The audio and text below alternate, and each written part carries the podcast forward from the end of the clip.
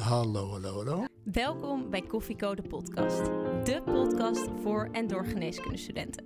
Waarbij wij, gewapend met een kop koffie, voor jou op pad gaan om interviews af te nemen met de leukste, interessantste en meest inspirerende artsen van Nederland. Dit is Koffieko. Hey Ko, ja wat doe je daar? Er staat een carrière voor je klaar. Maar je weet nog niet wat en waar. Een cappuccino maakt het minder zwaar. Dus zet je volumeknop omhoog. Want je luistert Koffie Co en je weet het zo. Papa, papa, para, para, para. Welkom bij Koffiecode Podcast, de special. In de special gaan wij in gesprek met artsen over vakoverstijgende onderwerpen. Wij zijn Doris. en Tiara en vandaag gaan we het hebben over vaccinaties. En dit doen we samen met dokter Ted van Essen, voormalig huisarts, tv-dokter bij Omroep Max en voorzitter van de Nederlandse Influenza Stichting. Dokter van Essen, welkom aan tafel bij Koffieko. Dank je. Ja, en wij weten natuurlijk, we hebben ons huisartskooschap gelopen. De meeste huisartsen zijn niet eh, vies van een kopje koffie. Hoe drinkt u hem?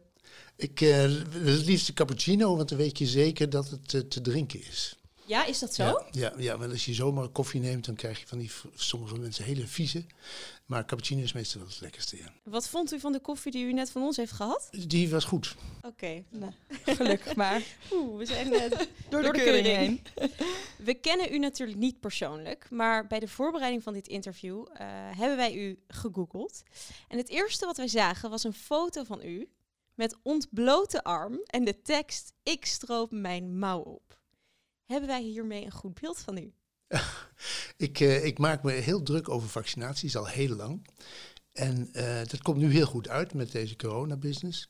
En toen ik door VWS gebeld werd van, goh, zou je dat willen doen? Om uh, te zorgen dat ouderen, daar hoor ik inmiddels bij, dat die zich voelen aangesproken. En met name door iemand die ze ook wel eens een keer op televisie zien. Toen heb ik dat gelijk gedaan. Het was ontzettend spannend in de zin van dat het een hele mooie studio was met een fotograaf en een, een juffrouw die erbij stond. Die zei van vijf centimeter hoger zitten. En toen moest ik mijn arm opstropen en die moest hij helemaal naar boven toe. En die fotograaf zei nee, nog hoger, nog hoger, nog hoger, nog hoger.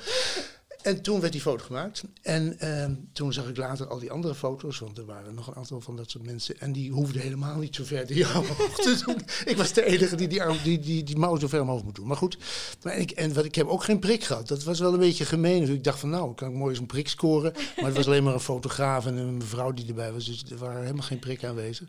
Dus ik moet nog steeds wachten op mijn beurt. Ja. Wij hebben u net kort even voorgesteld. Um, klopte het een beetje? Of hoe zou u uzelf voorstellen, dokter Van Essen? Nou, dat, dat huisarts is wel heel belangrijk. Ik, ik, ik was 25 toen ik huisarts was, heel jong. Toen was er nog geen huisartsopleiding, ja.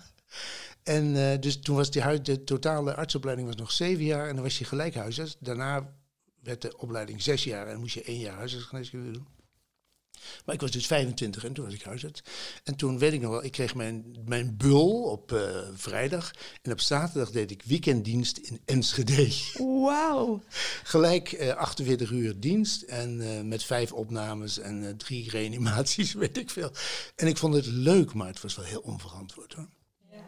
Maar dat vak is wel heel erg leuk en dat heb ik altijd leuk gevonden. Ik heb het, ben het dus blijven doen totdat ik bijna 67 was en toen ben ik opgehouden. Dus het is een groot deel van uw identiteit. Ja, en ook altijd in dezelfde praktijk. Uh, dat is ook heel leuk. Ik heb, toen ik kwam, toen had mijn voorganger allemaal van die, die ziekenfondslijsten waar patiëntennamen op stonden. En ook particuliere lijst had je, vroeger had je particulieren en ziekenfonds, misschien weten jullie dat nog. En uh, toen bleek dat van de 3800 patiënten die in de praktijk waren toen ik kwam, ik deed het met mijn vrouw, die was ook huisarts.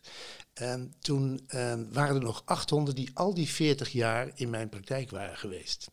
Die waar je dus alles mee beleefd had, van dat ze zelf ziek werden of geboren werden of uh, iemand overleed, een familieleden. Dus daar weet je alles van. Dat is wel heel apart hoor, dat je 40 jaar lang mensen kent. Ja, 40 jaar. En dan in de tussentijd heeft u zich ook, uh, ja, heeft u het vaccineren eigen gemaakt en maakt u zich daar hard voor. En we gaan het daarom er vandaag ook over hebben. Ja.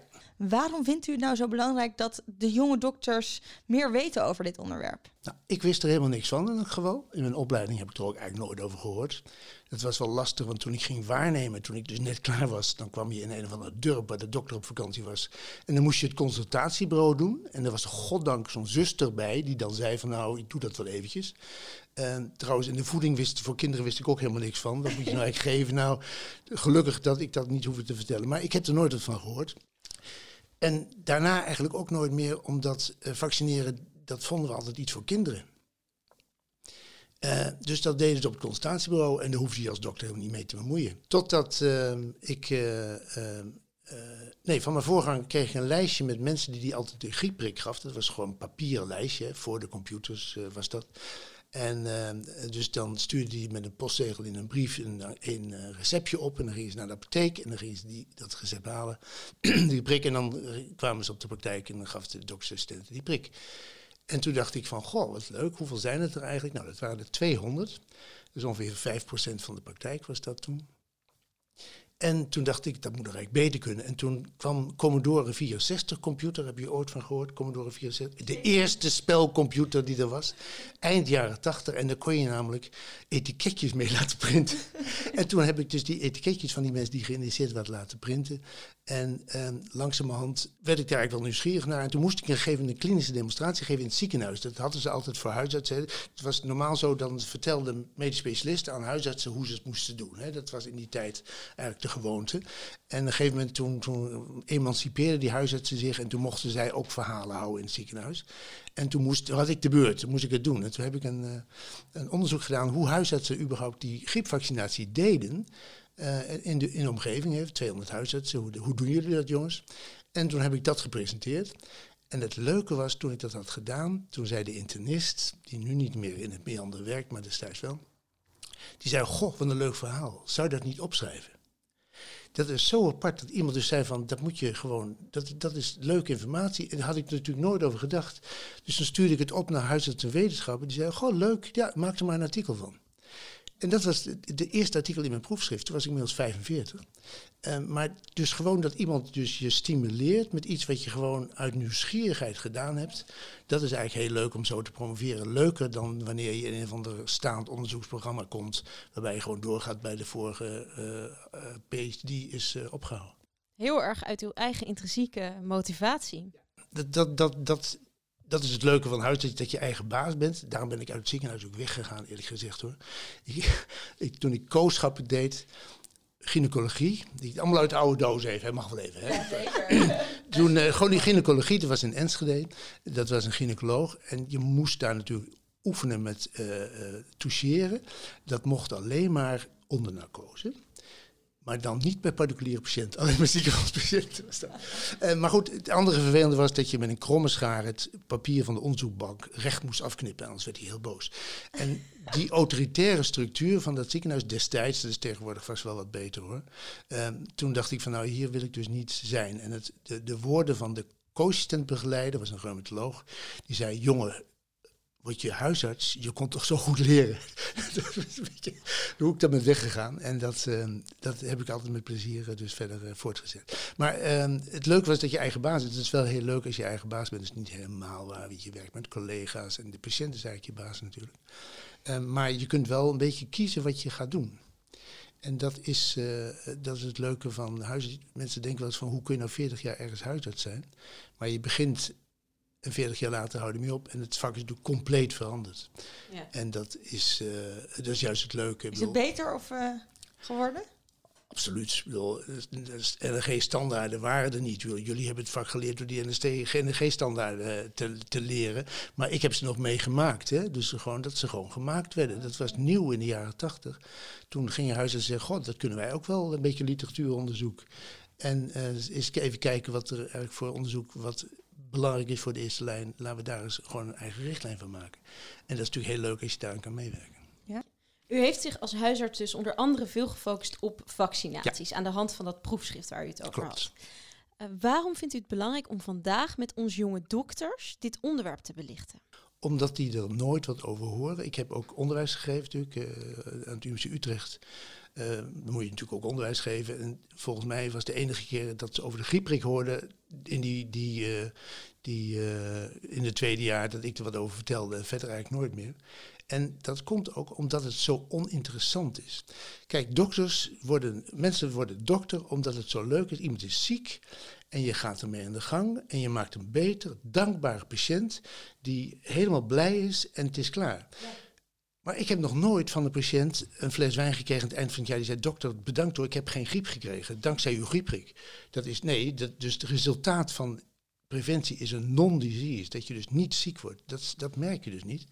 En vandaar dat dokters het eigenlijk niet zo interessant vinden en het dus maar liefst overlaten aan jeugdartsen, hè, die, die, die, daarvoor, uh, die dat dan kennelijk leuk vinden om te doen, maar dat is eigenlijk, uh, nou, die kunnen nog beter aan verpleegkundigen overlaten. Dus dokters weten eigenlijk er niks van en dus ook niet wat je ermee kan winnen. Het is echt onderbelicht in onze studie, daar heeft u helemaal gelijk in. Dat is precies de reden dat we u vandaag hebben uitgenodigd om erover te praten. We gaan het hebben over vaccinaties in de breedste zin van het woord. Ja. En we willen eigenlijk beginnen met de meest bekende, of eigenlijk wel meest belangrijkste vaccinaties uit ons land. Namelijk het Rijksvaccinatieprogramma. En wij vroegen ons af, kent u ze eigenlijk allemaal uit uw hoofd? Maar dat komt omdat ik kleinkinderen heb die ze allemaal gekregen hebben en mijn eigen kinderen ook natuurlijk. Uh, en ik heb zelf natuurlijk vaccinatie gekregen. Ik was natuurlijk een van de eerste in de jaren 50 die de poliovaccinatie kreeg. Ik kende nog de kinderen in de buurt die kinderverlamming hadden gekregen. Hè. Die, die kende je gewoon, die zie je namelijk. Um, en uh, die, die difterie heb ik nooit gezien, maar bijvoorbeeld mazelen, die patiënten heb ik zelf behandeld. Um, in uw huisartspraktijk? In mijn huispraktijk. En, maar mijn zoon die was, in, die was geboren in 74, die kreeg in 77 zijn eerste mazelenprik. Toen viel ik trouwens bijna flauw, toen mijn zoon zijn eerste prik kreeg. Ander verhaal. Is dat zo? nu maak je me wel nieuwsgierig. Ja. Ja, dus het gekke is dat, dat, dat de hele aparte flauwvallen bij vaccinaties, dat heeft met emotie te maken. En ik vond het dus heel spannend dat mijn zoon zijn mazelenprik kreeg. Ja. U, u zegt net, u heeft nog uh, met een van deze of meerdere van deze ziektebeelden te maken gehad, zelf als huisarts. Kunt u ons eens meenemen in een, in een voorbeeld, een patiëntverhaal? Ja, voor ons is dit heel onaangrijpbaar, zoals u misschien wel kan begrijpen, want wij zien dat niet meer. Het ergste is nog wel dat ik een keer een kindje van zes jaar op mijn praktijk, ik weet nog waar die stond. En die moeder had een of andere vage klacht dat hij zo raar deed. En toen zei ik, kleed maar even uit. En dan heb ik hem onderzocht. En nou, kleed maar weer even aan. En die jongen van zes wist niet hoe hij zijn broek moest vastmaken. Dat was hij vergeten. En wat had hij nou? Een SSPE, superacute scleroserende panencefalitis. Als bijwerking van de mazelen die hij gehad had. Die is er ook aan dood gegaan, ja. Dat is dus een ziekte waar je dus een van de nare complicaties van mazelen, waar je aan kan overlijden. Dat is natuurlijk maar een heel klein deel. Dat is een beetje natuurlijk nu met deze corona, lang niet iedereen gaat dood, maar sommige mensen natuurlijk wel. En dit was dus een kind wat dood ging aan mazelen, jaren nadat hij de mazelen gehad had. Ja, u heeft een verandering meegemaakt. Een punt waarop werd besloten, we moeten nu gaan vaccineren voor die paar kinderen die toch daaraan overlijden. Bracht dat toen ook al heel veel um, teweeg onder de mensen? Waren er ook mensen tegen? Dat is eigenlijk altijd zo geweest. Hè. Als ik lezingen geef, dan heb ik het ook wel vaak over de eerste pokkenvaccinaties. Hè. Dat was natuurlijk eind 1700. Wat ze toen bedachten is dat als je pokken bij iemand ziet en je neemt wat van het pokkenvloeistof weg en dat geef je bij een ander, variolisatie heette dat, dan uh, was die beter beschermd. En tot, toen later ontdekten ze dus dat die melkmeisjes die de koeien molken, de koeienpokken aan hun handen kregen en daardoor beschermd waren tegen de mensenpokken. En toen wist je dus dat een verzwakt virus kon helpen om iemand tegen een ziekte te beschermen. En dat was de eerste ziekte, die ook de eerste die natuurlijk wereldwijd is uitgeroeid. Maar ik heb nog de littekens van de pokkenvaccinatie natuurlijk. Die kunnen jullie misschien ook wel, kennen jullie ook wel van jullie eigen ouders waarschijnlijk. Um, maar daar was dus heel veel weerstand tegen. En mensen die uh, maakten plaatjes waarop er dan koeienhoeven uit de arm groeiden en zo. Hè. Dus die weerstand is altijd geweest en is altijd ook gebleven. En in Nederland is het eigenlijk bijzonder uh, hoog die vaccinatie gaat. Dat is eigenlijk, uh, als je het Europees en wereldwijd ook ziet, zijn wij kampioen vaccineren. Dat is tegelijk de reden dat dus verder niemand zich ermee bemoeit, want dat zit wel goed in Nederland, denken we altijd. Maar wat nou, hè? Wat nou, even een, een, een stelling. Wat nou als morgen de vaccinatiegraad halveert in Nederland? Wat gebeurt er dan? Ehm, dat is gebeurd in de Sovjet-Unie bijvoorbeeld. Toen de Sovjet-Unie instortte, toen is de vaccinatiegraad helemaal uh, bijna gestopt, de vaccinatie. Dat komt, het was altijd verplicht in de Oostbloklanden. Daarom was daar ook nu nog steeds zoveel weerstand tegen, want het wordt gecombineerd met van het moest van de communisten. Uh, maar dat stopte dus in Moskou en prompt kwam difterie weer tussen. De ziekenhuizen lagen weer vol met difteriepatiënten. Wat ik ook nog nooit gezien heb, want in mijn tijd werd er al tegen gevaccineerd. Dus um, als je dat doet, dan komt het weer terug. En hetzelfde is natuurlijk in Engeland gebeurd bij de mazelen toen die vreselijke dokter zei dat je er autisme van kreeg. Uh, waarvoor achteraf, dat heeft hij in de Lancet gepubliceerd. Hè, dat verhaal kennen jullie natuurlijk wel. Een heel belangrijk tijdschrift. En het is een schande dat dat niet goed gecontroleerd is. Maar later bleek dat hij echt de cijfers vervalst had. Dat hij gefinancierd werd door een organisatie die, zich, uh, die het geld verdiende met uh, antivaccinatiemiddelen. en die is uit zijn vak gezet, hij heeft een veroordeling gekregen. Maar daardoor is de mazelen in Engeland ook weer helemaal opgevlamd. Dus ja, dat kan maar zo gebeuren. In Nederland kan dat dus ook. Vandaar dat de overheid dus zo bang was dat die vaccinatie onder de 90% daalde. En daar dus een soort vaccinatiealliantie gestart is een paar jaar geleden. Dat heeft uh, de staatssecretaris Blokhuis gedaan. En nu gaat het weer een klein beetje omhoog. Is er een soort kritische grens? Of verschilt dat per vaccin, wat zeg maar de graad moet zijn? Ja, dat verschilt. Het heeft te maken met het R-getal. Iedereen weet tegenwoordig wat het R-getal is natuurlijk. en het R-getal van mazelen is bijvoorbeeld 17. Dat wil zeggen dat één kind 17 andere kinderen besmet, als ze tenminste niet gevaccineerd zijn. Dat wil zeggen dat het heel besmettelijk is, dus dat je een hele hoge vaccinatiegraad moet hebben van 95%, denken we. Um, en um, voor andere ziekten is dat, is dat R-getal wat lager en loop je dat risico niet. Um, dus daar zit het verschil een beetje in. Uh, we weten nu dus bijvoorbeeld met de coronavaccinatie, daar komen we straks misschien nog wel op, maar daar moet je waarschijnlijk zo'n 60% van de bevolking gevaccineerd hebben. Plus dan nog een aantal mensen die het gehad hebben. En dan heb je waarschijnlijk met een R-getal van 2 uh, voldoende bescherming. En dan spreken we dus over groepsimmuniteit. Ja. Ik kan me best voorstellen dat er uh, als huisarts regelmatig mensen op uw spreker kwa komen of kwamen die uh, tegen vaccineren waren, ja. de anti-vaxxers. En ik vraag me dan zo af, wat zijn dan, u noemde net al dat autisme, maar wat zijn nog meer redenen waarom mensen zeggen, nou ik doe het niet? De meeste mensen die um, uh, zijn geen anti-vaccinatie uh, maffia. De meeste mensen die, die zeggen, goh, ik, ik, vertel me er eens wat over. Hè? Dus dan kun je vertellen hoe hoog die effectiviteit is. Die is bij de griepprik bijvoorbeeld niet zo hoog. Dus dan moet je zeggen, ja, nou, we hebben het uitgerekend, het is ongeveer 40 procent. Dat is eigenlijk heel weinig voor een vaccin, want de mazelenprik die werkt uh, 100% bijna. En uh, al die andere vaccinaties ook. Hoe komt dat nou dat die griepprik zo slecht werkt? Um, en is dat erg? En dan moet je altijd kijken naar um, het uh, absolute getal van het aantal ziekten wat je voorkomt. Als er een ziekte heel veel voorkomt, en we denken dus dat 5 à 10 procent van de mensen elk jaar griep krijgt. Um, dat zijn dus in Nederland uh, misschien wel een miljoen mensen. Als je daar een vaccin voor hebt die 40% beschermt, dan scheelt dat 400.000 uh, zieken. En als je weet dat ongeveer 1% overlijdt aan de griep, dan scheelt dat dus 4000 doden. Zo kun je dat ongeveer uitrekenen. Dus ook met een slecht vaccin kun je best goede resultaten bereiken. Um, maar het blijft zo dat een vaccin wat beter is natuurlijk wel fijner is. Daar was die discussie ook voor het coronavaccin van, van tevoren. Van nou, als we een vaccin hebben wat 50% werkt, dan zijn we blij. En toen opeens was het een vaccin wat 95% werkte. Wat gelijk trouwens de hele theorie van de immunosenescence op zijn kop zet. Hè. Je kent dit woord, immunosenescence, dat je op oudere leeftijd minder weerstand krijgt. En dat dus de vaccins minder werken. Nou, dat is bij het Pfizer-vaccin, wat dus iedereen nu kent die naam, um, is dat niet zo. Bij die andere vaccins die werken ook allemaal uh, ontzettend goed.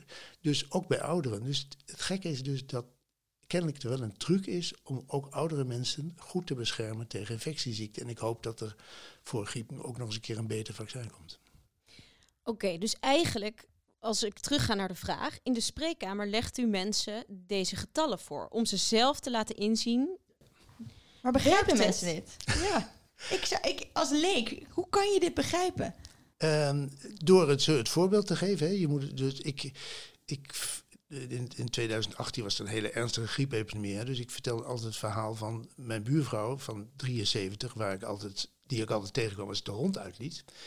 En, en zij had een heel leuk klein hondje, dan praat je even en dan loop je weer verder. Die mevrouw die kreeg griep en twee weken later kreeg ze een pneumonie en drie weken later was ze dood. En die mevrouw was kerngezond, maar die kan dus zomaar overlijden. En mensen denken altijd van ja, dat zijn die hele oude zieke mensen die dan overlijden. Nee, ook mensen die verder nog heel goed gezond zijn, die kunnen dus na een griepinfectie overlijden.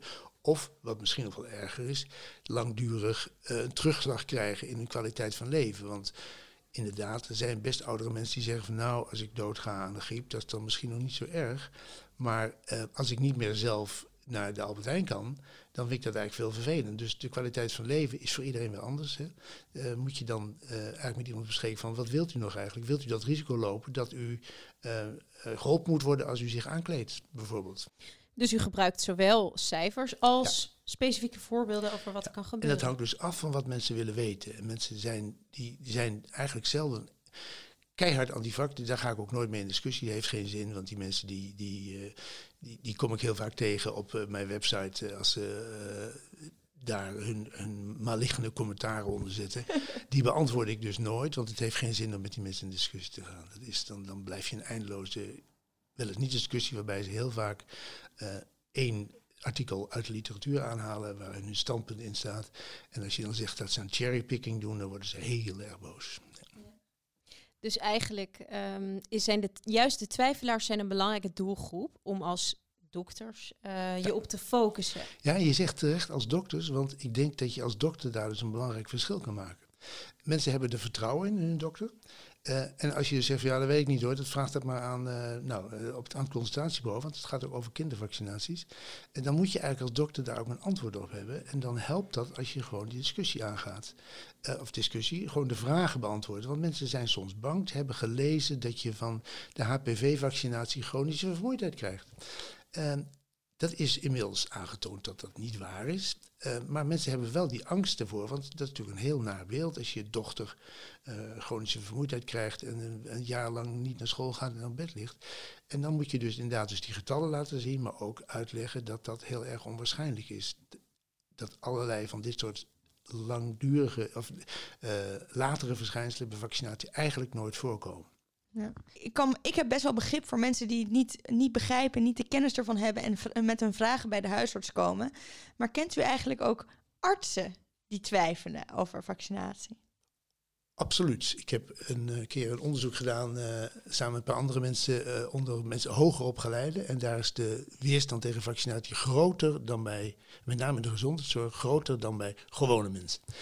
oh? En de vaccinatiebereidheid van dokters voor de grieprik bijvoorbeeld in het ziekenhuis is ontzettend laag. Als ik daar verhalen houd, en dat deed ik ook wel eens in het ziekenhuis in de buurt.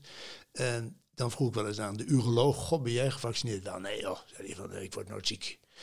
En dan, als je dan uitlegt dat je griep heel vaak dus subklinisch krijgt of asymptomatisch, en dat je dan misschien wel jouw kwetsbare mensen besmet, dan gaan ze pas een beetje nadenken. Het, het leuke is, we hebben het ook min of meer een soort veldonderzoek gedaan in de NRG-standaard in 93 over de grieprik, werd die gepubliceerd. En de, op een van de nieuwere versies stond in van, nou, als huisarts moet je eigenlijk zelf ook gevaccineerd zijn om die reden, hè, want dat je je patiënten beschermt. Zo wat we nu ook uh, zeggen.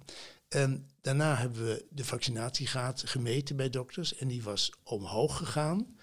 Um, en het leuke was ook dat ze ook de goede reden vertelden. Ze zei, ja, ik krijg zelf nooit griep, maar eh, dan bescherm ik mijn patiënten beter.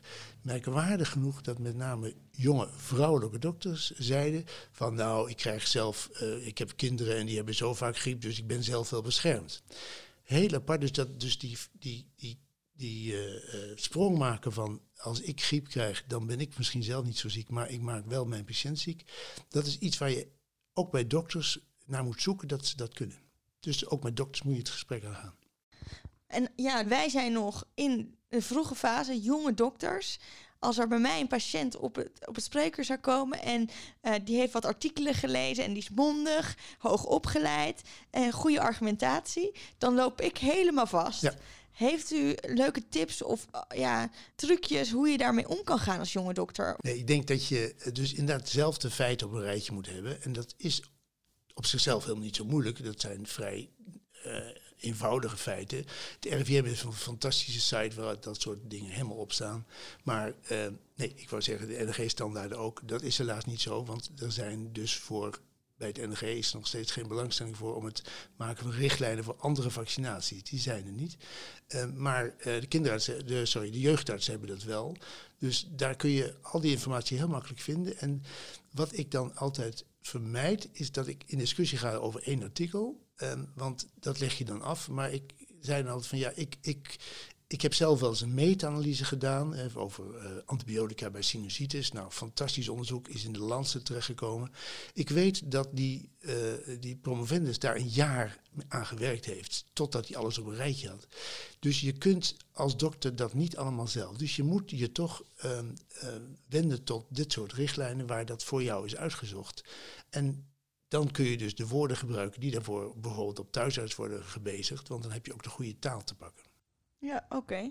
Goed inlezen en weten waar je informatie moet vinden. En niet in discussie gaan over bepaalde artikelen. Nee, je moet dus uitleggen dat een paar uurtjes googelen voor echt wetenschappelijk onderzoek niet voldoende is. Weet je wat soms zo lastig is, merk ik? Dat als je eigenlijk een hele adequate, precies kloppende uitleg wil geven, dan zit je bijna op moleculair niveau te praten. Eigenlijk. Maar dat is niet de bedoeling. Je moet aansluiten bij het nee, niveau. Dat hoeft ook niet. Uh, want uh, het uitleggen van bijvoorbeeld uh, die nieuwe coronavaccins is geweldig ingewikkeld. Met Ja. het messenger RNA en zo. Ja. Ja. Dus als je daar een verhaal van hebt dat je een stukje van het virus inspuit en dat het lichaam daar antilichamen tegen gaat maken, zodat hij, wanneer het echte virus komt, weet wat hij moet doen, dan zeg je eigenlijk precies hetzelfde als de meest moleculaire uitleg die je maar kan bedenken. En dan, dat snappen mensen dan. Dat komt beter aan. Ja. Nou, de meeste vaccinaties in Nederland, waar we het nu over hebben gehad, het Rijksvaccinatieprogramma en de griepprik, die eh, kennen we, ook als geneeskundestudenten. Eh, maar wij hebben ons in het onderwerp verdiept. En blijkbaar zijn er dus ook veel meer vaccinaties die buiten de reguliere programma's omgaan. Kunt u daar eens wat over vertellen? Ja, dat is echt een omissie, want als dokters dat niet weten, zeggen ze dat ook niet tegen hun patiënten. Uh, ik heb vandaag nog weer een webinar over de pneumokokkenprik uh, gevolgd. En Wisten jullie dat uh, het risico op een invasieve pneumokokkinfectie verhoogd is bij mensen met, invasieve, met uh, diabetes bijvoorbeeld? Of bij mensen die COPD hebben? Of bij mensen die uh, verminderde weerstand hebben en bijvoorbeeld medicatie krijgen voor hun reuma? Um, die mensen die lopen een verhoogd risico erop en kunnen daar dus gewoon voor beschermd worden door een pneumokokkenprik. Het lastige is dat daar de uh, zorgverzekeraar niet goed voor uh, in elkaar zit, dat, je, dat moet je dan zelf betalen, kost 20 euro of zo. En, maar dat geldt ook een beetje voor de gordelroos. De, die prik die doen we in Nederland niet. We denken dat we in Nederland zo voorlopen, maar er zijn landen waar gewoon iedere oudere tegen gordelroos wordt gevaccineerd. En dan denk je misschien van, is dat zo erg, gordelroos? En dan geef ik altijd het voorbeeld van mijn vader, die 98 was, fantastisch. Dan maak je heel veel ziektes mee. Dus die had TBC gehad met een pleuritis en die had een darmkanker gehad en een hartinfarct gehad en een hernia en een maagzweer waar hij zes weken voor gekuurd had. Zijn hele leven de een naar de andere ziekte, hartfalen, you name it. En elke keer als ik bij hem op bezoek kwam, zei hij van... jongen, heb je niet wat voor die pijn in mijn hoofd? Want ik heb nog steeds zo'n last van die gordelroos die ik daar twee jaar geleden gehad heb. En gordelroos was de ernstige invloed op zijn kwaliteit van leven. En al die andere ziektes, ja, die had hij gewoon. Had hij pillen voor en dan kwam de dokter eens langs en dan zei hij... ja, dokter, hoe is het met u?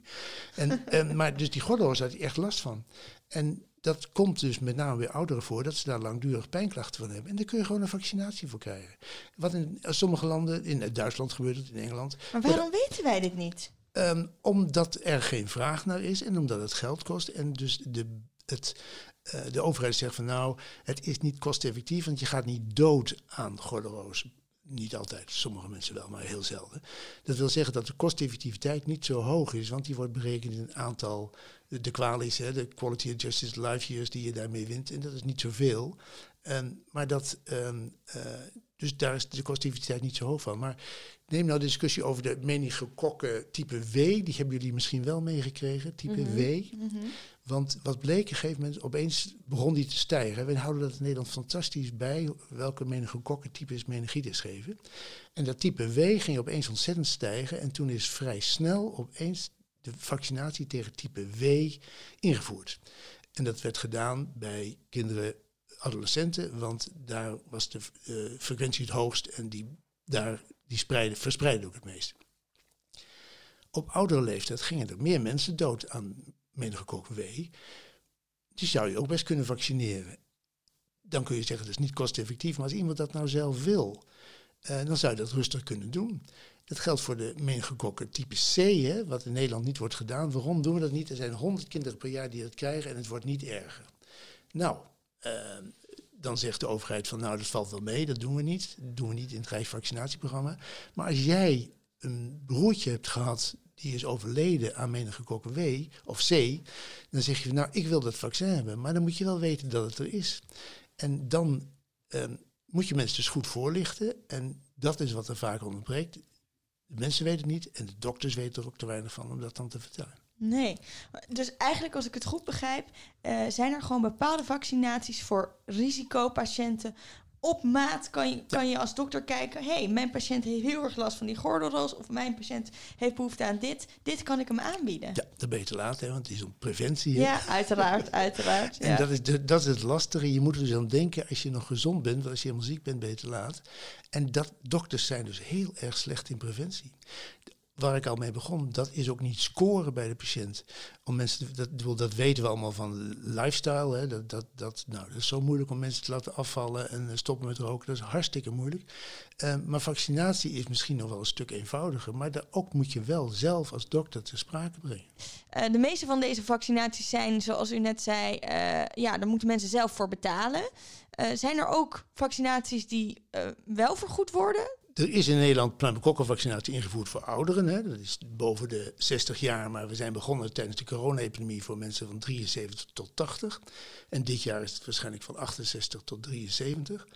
Um, maar mensen die tot een risicogroep behoren onder de 60 jaar, daarvoor was eigenlijk niks geregeld. En daarvoor is het nu geregeld dat er wel een vergoeding plaatsvindt als daar een recept voor wordt geschreven. En dan is het nog een beetje de vraag dat er verschillende soorten pneumokokkenvaccins zijn. En bij mensen uit de risicogroepen is het vaak handig om eerst met het een en vervolgens met het ander gevaccineerd te worden.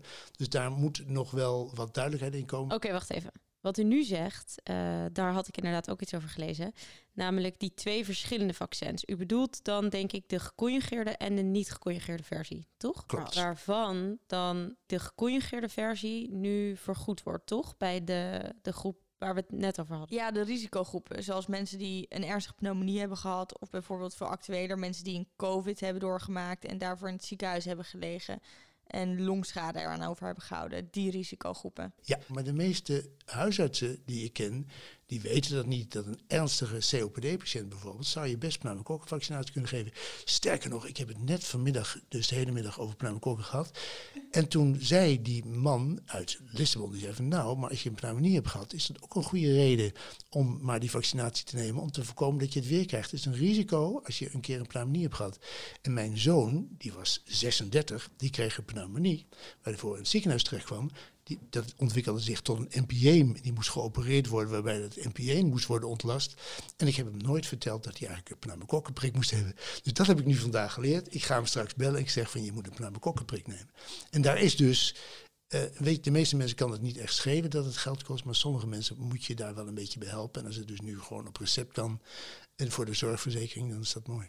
Ja, hartstikke mooi. Ik denk mooi om mee te nemen voor ons allemaal uh, dat het mogelijk is. Fantastische ontwikkeling.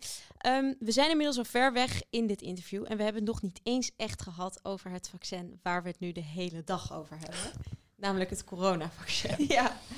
Nou, dat moet u als vaccinatieliefhebber wel fantastisch vinden dat er zo'n vaccin zo snel op de markt is gekomen. Het is ongelooflijk. Niet één vaccin, maar nu al drie. En er zijn er nog een paar die gaan komen. En met een techniek die volstrekt nieuw is.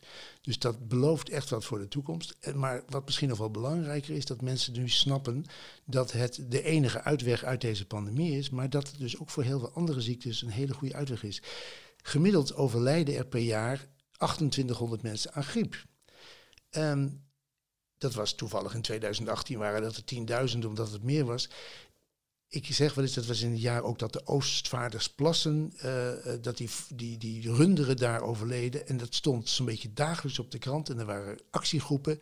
En de minister werd over lastig gevallen. Over die 10.000 doden voor de griep in 2018 is niet één discussie in het parlement geweest. Niet één vraag aan de minister gesteld. Laat staan dat er een lockdown voor is geregeld. 40 ziekenhuizen hadden een opnamestop in die tijd. Hè. Dus dat je dus tegen dit soort infectieziekten wat kan doen, dat is nu wat duidelijker geworden. De griepvaccinatie gaat dus ook gestegen het afgelopen jaar. Want iedereen dacht van, oh, nou, ik wil niet nog eens een keertje COVID samen met griep krijgen. Dus het is echt heel bijzonder, ook voor de toekomst, voor de vaccinatie, dat iedereen inziet dat voorkomen beter is dan genezen. Gaat die nieuwe techniek die ze nu bij de COVID-vaccinatie hebben gebruikt, gaat dat nog een grote rol spelen, denkt u, in, in komende... Het is een fantastische techniek dat je dus het lukt, dat je het jou lukt dat jouw eigen cellen uh, de spikes maken waar je dan vervolgens zelf ook weer antistoffen tegen maakt. Het middel was eigenlijk ontwikkeld om te zorgen dat je antistoffen tegen kankercellen maakt. Hè. Dus de RNA van kankercellen inspuiten zou dan ervoor zorgen dat je het lichaam antistoffen tegen kankercellen maakte. Daar is mee begonnen. Het blijkt nu dus heel goed te werken voor vaccins. Ik denk eigenlijk dat de komende jaren de hele vaccinwereld op zijn kop gaat met deze nieuwe techniek. En denkt u ook, want dat is een van de argumenten die we veel horen tijdens deze hele coronacrisis. Hoe kan het nou dat het allemaal zo snel is gegaan? Denkt u dat we in de toekomst onze vaccinaties ook zoveel sneller kunnen uh, ontwikkelen? Dat mensen dat denken is komt omdat ze denken van nou een jaar geleden is die COVID ontstaan en toen opeens moest er een vaccin gemaakt worden. Maar het SARS-vaccin, wat natuurlijk uh, het begin van deze eeuw was die SARS er, daar is ook heel lang aan gewerkt. Tegen de MERS, wat die kamelen hebben in, in uh, Arabië, daar is ook een vaccin tegen ontwikkeld. Alleen die kamelen-eigenaren willen dat niet betalen, want die zijn er te zuinig voor. En dat was ook geen pandemie. Maar uh, er is dus al heel lang gewerkt aan coronavaccins. En er is ook, wat ik net zei over dat RNA-vaccin, al heel lang gewerkt, omdat ze dachten dat het tegen kanker werkte. Dus Um, en verder heeft het geholpen dat ze er een tientallen miljarden ingegooid hebben. Dan gaat iedereen daaraan werken. De hele onderzoek naar influenzavaccins staat stil. Want iedereen heeft het over het coronavaccin. En terecht, want dat is nu de grootste dreiging. Maar dat het idee dat je je kan beschermen door vaccinatie, dat is wel heel mooi. En uh, is dat inderdaad iets wat u vaak hoort nu ook van mensen om u heen? Want u bent vaak op tv om er over, ook over het coronavaccin te praten. Wat is een belangrijk tegenargument waar we tegen in moeten gaan? We hebben het uh, onderzocht. Het was eind vorig jaar in de Telegraaf. 20.000 Telegraaflezers hebben een enquête ingevuld waarbij ze deze misverstanden uh, eigenlijk noemden. Hè, van uh, hoe kan het nou dat het zo snel ontwikkeld wordt? Het beïnvloedt je eigen DNA hè, als je dat vaccin krijgt. Je krijgt er autisme van, dat dacht ook nog steeds iedereen. We hebben trouwens die enquête, diezelfde enquête ook onder zorgverleners gegaan en daar dacht 60% van de zorgverleners dat je autisme kon krijgen, misschien wel van het vaccin. Dus dat, dat soort. Het zijn net gewone mensen die zorgverleners zijn, dat moet je altijd maar bedenken. maar dus op basis van die uh, enquête hebben we toen een, een, video gemaakt waarbij we die allemaal gedebunked hebben. Die misverstanden, dus gewoon zeggen, keihard zeggen van dat is niet waar en daar en daar en daarom. En toen hebben we het opnieuw geënquêteerd bij diezelfde mensen. En verdomd, ze waren van mening veranderd. Dus het kan wel, als je goede voorlichting geeft, dat mensen van mening veranderen. Maar je moet ze dus gewoon vertellen, want mensen snappen het natuurlijk niet. De co-telefoon. Ja, daar is hij weer, de co-telefoon. Um, de co-telefoon weer ingestuurd door een vraag ingestuurd door een van onze luisteraars. En die luidt als volgt. Um, het is meer een verhaal. Nou, zij zegt van mensen vragen altijd aan mij wat ik vind van de vaccinaties. Alleen omdat ik geneeskunde studeer. Dus daarom zou ik graag willen weten, als ik één ding kan zeggen tegen, uh, tegen anderen over COVID-vaccinaties, wat zou dat dan moeten zijn? Ik zeg altijd van, als ik hem vandaag kan krijgen, dan neem ik hem gelijk. En dan denk ik van dat mensen wel snappen dat ik het dus kennelijk voor mezelf heel belangrijk vind. Dat ik zelf mezelf als voorbeeld gebruik. En uh, dat ik wel weet dat je misschien een risico loopt, maar dat het risico van corona veel groter is. Die discussie is nu over Astra, hè, dat je daar misschien wel eh, trombose kan krijgen. De kans van 1 op de 100.000 op 1 op de miljoen. Dat is dezelfde kans op trombose. Als je vier uur in het vliegtuig naar Lissabon gaat, uh, dan loop je ook die kans op die trombose. En de kans dat je corona krijgt is ongeveer het oversteken van een snelweg met een blinddoek om. Dat is veel groter. Dus haal die blinddoek af, neem dat vaccin en voorkom dat je corona krijgt. Mooi. Ik wil nog één misverstand de wereld uit helpen. Want ik heb dit onder, in, net zoals degene die deze coach van het ingestuurd, heb ik ook onder mijn vrienden en vriendinnenkring wel eens gehoord dat veel vrouwen toch bang zijn. Ik weet niet waarom, maar dat is altijd een angst dat het iets, iets met hun vruchtbaarheid doet. Kunt u dat de wereld uit helpen? Dat die, dat was een van de, de dingen die ook gezegd werden tijdens die enquête, dat je er onvruchtbaar van kon worden. Er is niet één vaccin waar je onvruchtbaar van wordt. Er is trouwens ook niet één medicijn waar je onvruchtbaar van wordt, behalve de pil. Maar verder zijn er geen medicijnen en natuurlijk chemotherapie, dat natuurlijk ook wel, dat begrijpen mensen ook wel. Maar eigenlijk zijn er heel weinig medicijnen die de, de, de vruchtbaarheid uh, beïnvloeden. En um, er is geen enkele reden om aan te nemen dat dit hier wat aan doet, want dat spul komt niet verder dan je spier en gaat dan antilichamen maken tegen die eiwitjes, die spikes. En die zitten helemaal niet op eicellen of zo, of op zaadcellen. Dus het is volstrekt theoretisch onzinnig om eraan te denken. Oké, duidelijk. Ja. We hebben het heel uitvoerig uh, besproken. U bent echt een voorvechter voor de vaccinaties. Um, wij zijn toekomstige dokters. Hoe denkt u dat wij een rol kunnen vervullen in, het, uh, ja, in de awareness rondom uh, de vaccinaties? Moeten we allemaal tv-dokter worden zoals u? Uh, dat is hartstikke leuk hoor, dat kan ik je aanraden. um, maar ik denk dat je dus als dokter echt de plicht hebt om aan voorlichting te doen, waar je ook bent. Je bent altijd dokter. Dat is wel vervelend, maar je bent wel altijd dokter. Dus als ze jou een vraag stellen, dan moet je dus daar inderdaad serieus op antwoorden. Dus moet je er wat van afweten. Dan is het ook handig als je vrij lang ook generalist blijft, want dan ben je dat soort informatie heb je dan ook.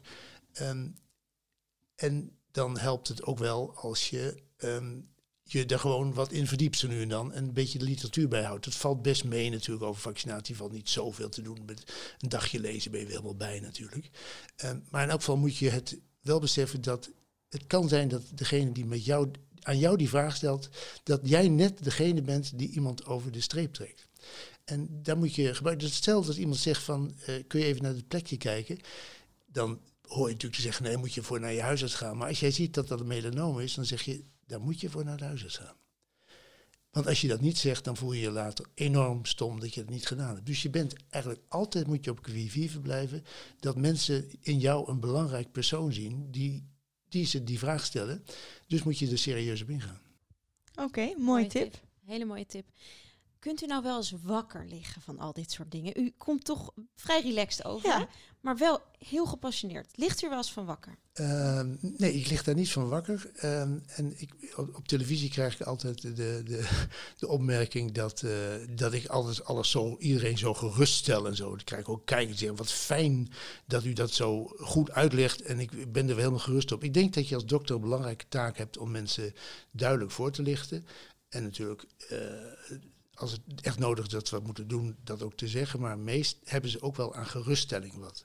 En het is natuurlijk zo dat het is een vreselijk nare ziekte, maar de grootste kans is dat je het overleeft. En dat moet je ook voortdurend uitdragen. Dus het enige wat ik wel eens denk van, nou ja, ik ben wel in de risicogroep zelf. Dus als ik nou corona krijg, liever niet. Dus ik wil toch wel graag gevaccineerd worden snel. Uh, laat het maar vlug gebeuren. Maar uh, daar lig ik ook niet van wakker, nee. Nee, u, nee. U, u, ligt sowieso niet zo vaak wakker. Oh nee, ik lig wel eens wakker, wel. ja, want ik doe nog wel meer. Het, het, leuke van de huisarts is dat je heel veel dingen ernaast kan doen. Dus ik, ben, uh, ik heb ook bestuur gedaan bijvoorbeeld. Ik ben voorzitter van het NRG geweest. En uh, ik heb natuurlijk dat proefschrift geschreven, uh, nascholing gegeven. Je kan ook eens naar een congres. Vroeger ging dat in het buitenland. Ook wel leuk natuurlijk, dat je naar het buitenland kon. Dat is nu allemaal wat minder natuurlijk. Maar het leuke is dat je als huisarts eigenlijk ook je eigen specifieke uh, focus kan uh, zoeken. Je kan kaderarts worden, dat je over een bepaald onderwerp meer weet. Um, en je kan dus uh, in bestuur, in voorlichting gaan. En je kan nog een keer op televisie komen ook. Maar dat zijn er alleen mogelijkheden die je hebt. En dat heb je eigenlijk wel als dokter altijd. Kies nou een vak waar je gewoon wat je leuk vindt. En ga vervolgens binnen dat vak de dingen zoeken waar jij nou juist in kan excelleren. Dat is voor iedereen anders. Maar dan kun je toch een beetje onderscheiden van de gemiddelde rest. Oké, leuk. Ik heb nog één vraag. U zegt net, je blijft altijd dokter, hoe dan ook. Als u met pensioen bent en u nog wel een beetje dokter bent, maar heeft u dan ook andere plannen buiten, buiten de zorg? Uh, ik moet zeggen dat die corona er een beetje tussendoor gekomen is. Uh, uh, maar ik, eh, ik probeer nog een beetje gezond te blijven. En langs de Eem te, te, wandelen met mijn hond. En dat probeer ik ook uit te dragen. En een beetje op andere terreinen bij te blijven. Maar het is wel zo dat dit je wel bezighoudt. En het is, ik vind het eigenlijk ook wel heel erg leuk. U blijft zich gewoon bemoeien met de zorg, hè? nou ja, het, het, ik denk dat het, uh, dat het uh, helpt, maar ik vind het zelf vooral ook erg leuk. Bent u nou meer een dokter of meer een uh, vaccinatieactivist? Ik denk dat ik, dat ik in wezen een dokter ben en altijd gebleven ben. en dat is ook het leuke. Dus ik denk dat een huisarts het meest geschikt is om ook dingen uit te leggen. Omdat je de hele leven heb ik niks anders gedaan dan mensen in een 10 minuten consult een diagnose gesteld. Dat hoeft helemaal niet als je ook op tv bent. Dan is de ziekte al, ligt al op tafel, zeg maar. En dan in vijf minuten uitleggen wat ze hebben. Dat doe ik op televisie ook. Dus ik heb eigenlijk mijn hele leven hetzelfde gedaan. Mensen voorlichten over wat ze hebben en wat ze er zelf aan kunnen doen. Want het meeste kunnen mensen zelf doen. Ontzettend leuk om te merken dat zelfs na 40 jaar huisartsenvak en al uw activiteiten daarnaast, bent u nog, uh, u komt nog erg jong over, omdat u gewoon zoveel ja, Passie. energie nog heeft voor. Ja. Nou, dat, dat, dat, uh, dat uh, dankjewel. Heel mooi. Nou, we eindigen het interview altijd met een laatste tip voor de co-assistenten en voor de jonge dokters die luisteren. U heeft tussen de regels door al ontzettend veel nuttige en waardevolle tips gegeven. Maar wat wil u de toekomstige dokters meegeven? Mag over van alles gaan. Ik denk dat je niet al te vroeg moet specialiseren in een bepaalde richting, want dan loop je soms in een fuik.